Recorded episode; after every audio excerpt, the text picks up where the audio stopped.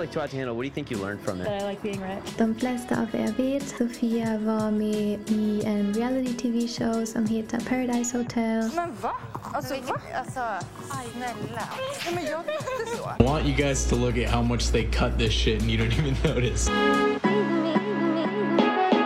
Välkomna! Sommaren är över och denna podd är tillbaka. Så, vad är ämnet idag? Innan vad sommaruppehåll pratade vi bland annat om drottningen Silvia och att vara trosbrakig och att bo utomlands. Den här veckan tänkte jag att vi kunde prata om prinsessan Sofia och eh, reality-tv. Vad är sammanhanget? Jag tror att de flesta av er vet. Sofia var med en reality tv-show som heter Paradise Hotel när hon var 20 år gammal um, med dating show slash singles and bikinis on a beach show. Från vad jag förstod handlar showen om singlar som reser till någon strand. Jag vet att det var den bästa sammanfattningen du någonsin hört. Sofia är också certifierad yogainstruktör och hade en yogastudio i New York och hon gick några kurser i redovisning i New York. Hon ser ut att beta sig som en helt annan person nu, så jag blev förvånad över att höra att hon brukade vara en deltagare i en reality tv-show. Elle has an article about her stilresa genom åren från dokusåpa till slott. Slott as in castle. Mixing English and Swedish sometimes is a bit weird. På sina äldre bilder ser hon ut som Paris Hilton och Nicole Richie i The Simple Life. If that made her who she is today, then be it. Hon sa i en interview, I quote, It was 10 years ago. I've gotten on with my life since then. I don't regret anything. All these experiences have made me the person I am. I wouldn't have made those choices today. One blog about royals called her a saucy model, and a British paper wrote, From tattooed reality TV contestant to angelic princess. Apparently, she was also in a man's magazine, naked, and for Paradise Hotel, she also posed half naked. Prince Harry, for example, was also criticized for his trips to Vegas when he was younger and his partying. Och Meghan kritiserades för att vara skådespelerska i allmänhet och för att vara en del av tv-program som också innehåller sexuella scener. Those who watched 92 and 0 might remember the first episode where Annie sees her ex-boyfriend in the car and he's engaging in sexual activity with a girl and that was Meghan Markle. Many participants of these reality shows have spoken up about how they were treated on set and how scenes have been manipulated. Reality-tv-program är eh, tänkta att underhålla genom att försätta deltagarna i stressiga och pinsamma situationer som en modern form av gladiatorspelen. Deltagare i reality-tv-program gör det eftersom de kan bli influencers efteråt och tjäna massor av pengar. I ett avsnitt pratade vi om Sara Larsson och programmet Talang. Dessa castingshower försöker förstås vara så underhållande som möjligt. Så de ställer pinsamma frågor or they cut out scenes or cut them in a way that makes someone look bad. Not everyone becomes as successful as Sara Larsson. Ju mer populärt tv-programmet är, desto mer pengar kan du få efteråt. Det finns statistik som säger att Too Hot to Handle kommer att göra dig till den rikaste eller åtminstone får du mest pengar för varje so social media post som influencer följt av Love is blind. In terms of people, Francesca Farrago är överst på listan och tjänar mest pengar.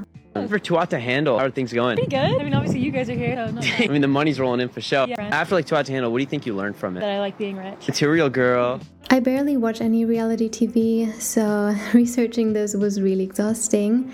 På Facebook såg jag randomly en tjej som letade efter en lägenhet i Stockholm. Hon skrev att hyran borde vara max 15k och hon postade ett foto på sig själv. En som guy, Arash, commented Håll käften med er, ni vill bara ragga. Ni är luffare i min källare. Först till kvarn, skynda er. That was so strange and for some reason then I clicked on her profile, Emily Söderholm, och på sin profil hon promotes en dating show i Sverige, True Love Sverige. Ett dating-tv-program där de har experiment och lögndetektorer. Sometimes you think the bar is at its lowest, but it can go lower. And Sweden is, of course, no exception when it comes to reality TV with shows like Naked Attraction. Den kommande realityserien på HBO Max, F-Boy Island Sverige, den toksågas på sociala medier där hundratals personer undrar hur man kan komma på ett sånt här programkoncept 2022. Programmet den beskrivs på följande sätt. FBO Island följer tre kvinnor som åker till en tropisk ö där de får sällskap av en grupp män. Tvisten är att hälften av dem är nice guys som är där för att hitta kärleken och andra hälften de är självutnämnda F-boys som är ointresserade av långvariga relationer. Talang finns fortfarande men jag känner ingen av dessa människor. De flesta av vinnarna har inte ens en Wikipedia-sida. Bachelor existerar fortfarande 2022.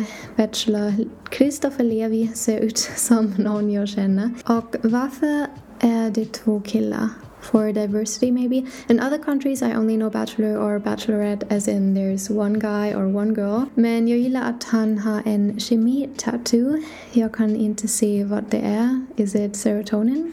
Wait, nej. Adrenaline. Hmm, okay. Maybe that's a sign of toxic masculinity. There is a guy on Hinge in Denmark that has dopamine tattooed on his leg. Fun fact. Anyways, att bli en influencer är så populärt eftersom du kan tjäna miljoner på att vara på sociala medier och tjäna mer pengar än läkare eller personer med en doktorsexamen. Du kan i princip få betalt för att bara leva och dela ditt liv online om du har tillräckligt många följare. Jag länkade en lista på influencers som tjänar mest pengar i Sverige. Jag känner bara Kenza och jag visste inte att hennes clothing brand went bankrupt. The article also says nyligen fälldes hon i patent och marknadsöverdomstolen för att ha gjort smygreklam i 19 inlägg utan tillräcklig annonsmärkning för ett glasögonmärke. Regarding the psychology of reality TV, it gets dark. Um, om du tror att reklamens psykologi är manipulativ eller liknande för reality TV.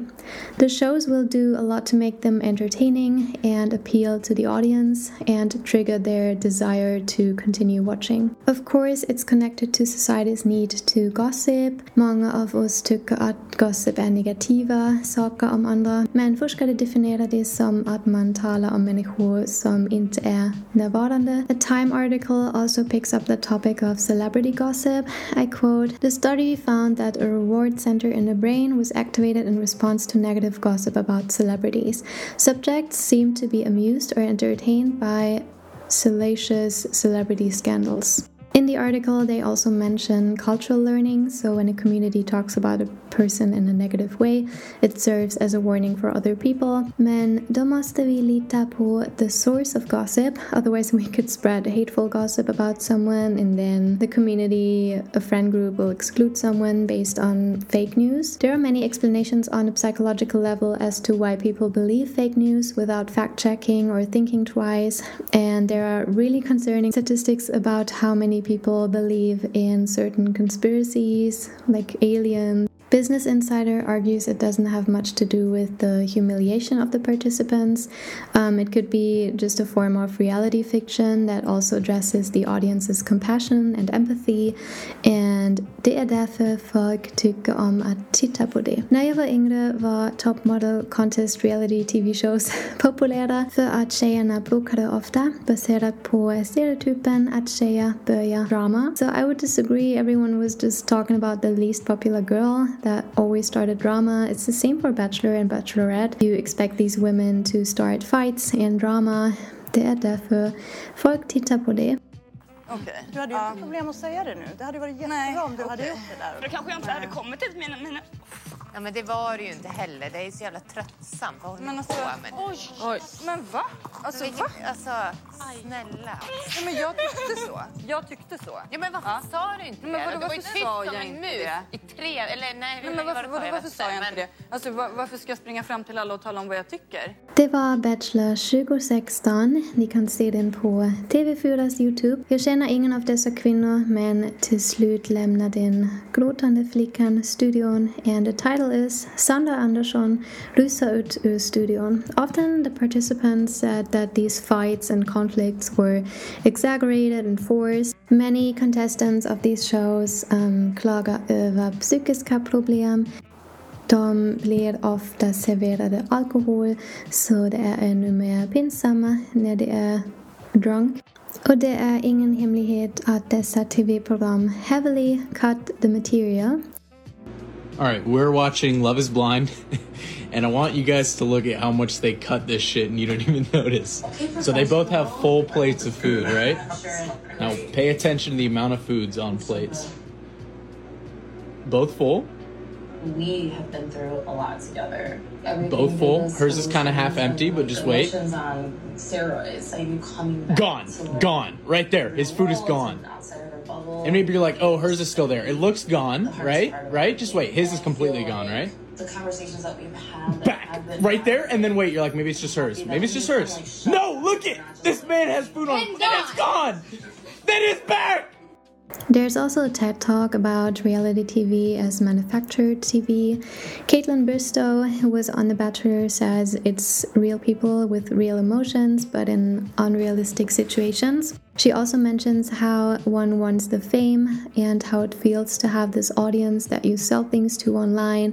She talks about how whoever is currently in the spotlight will get the same headlines in the media. I mean, clearly, are these shows made for entertainment? People obviously like watching girls in bikinis that have some kind of drama and beef going on. But let's end this episode with some more facts about Sofia. She and Prince Carl Philip have three sons. She attended Stockholm University for different uh, courses. I guess not for a degree, but only for freestanding courses since it doesn't say she has a degree in anything. Now she is 37 and that was it for today. Och vi ses nästa vecka.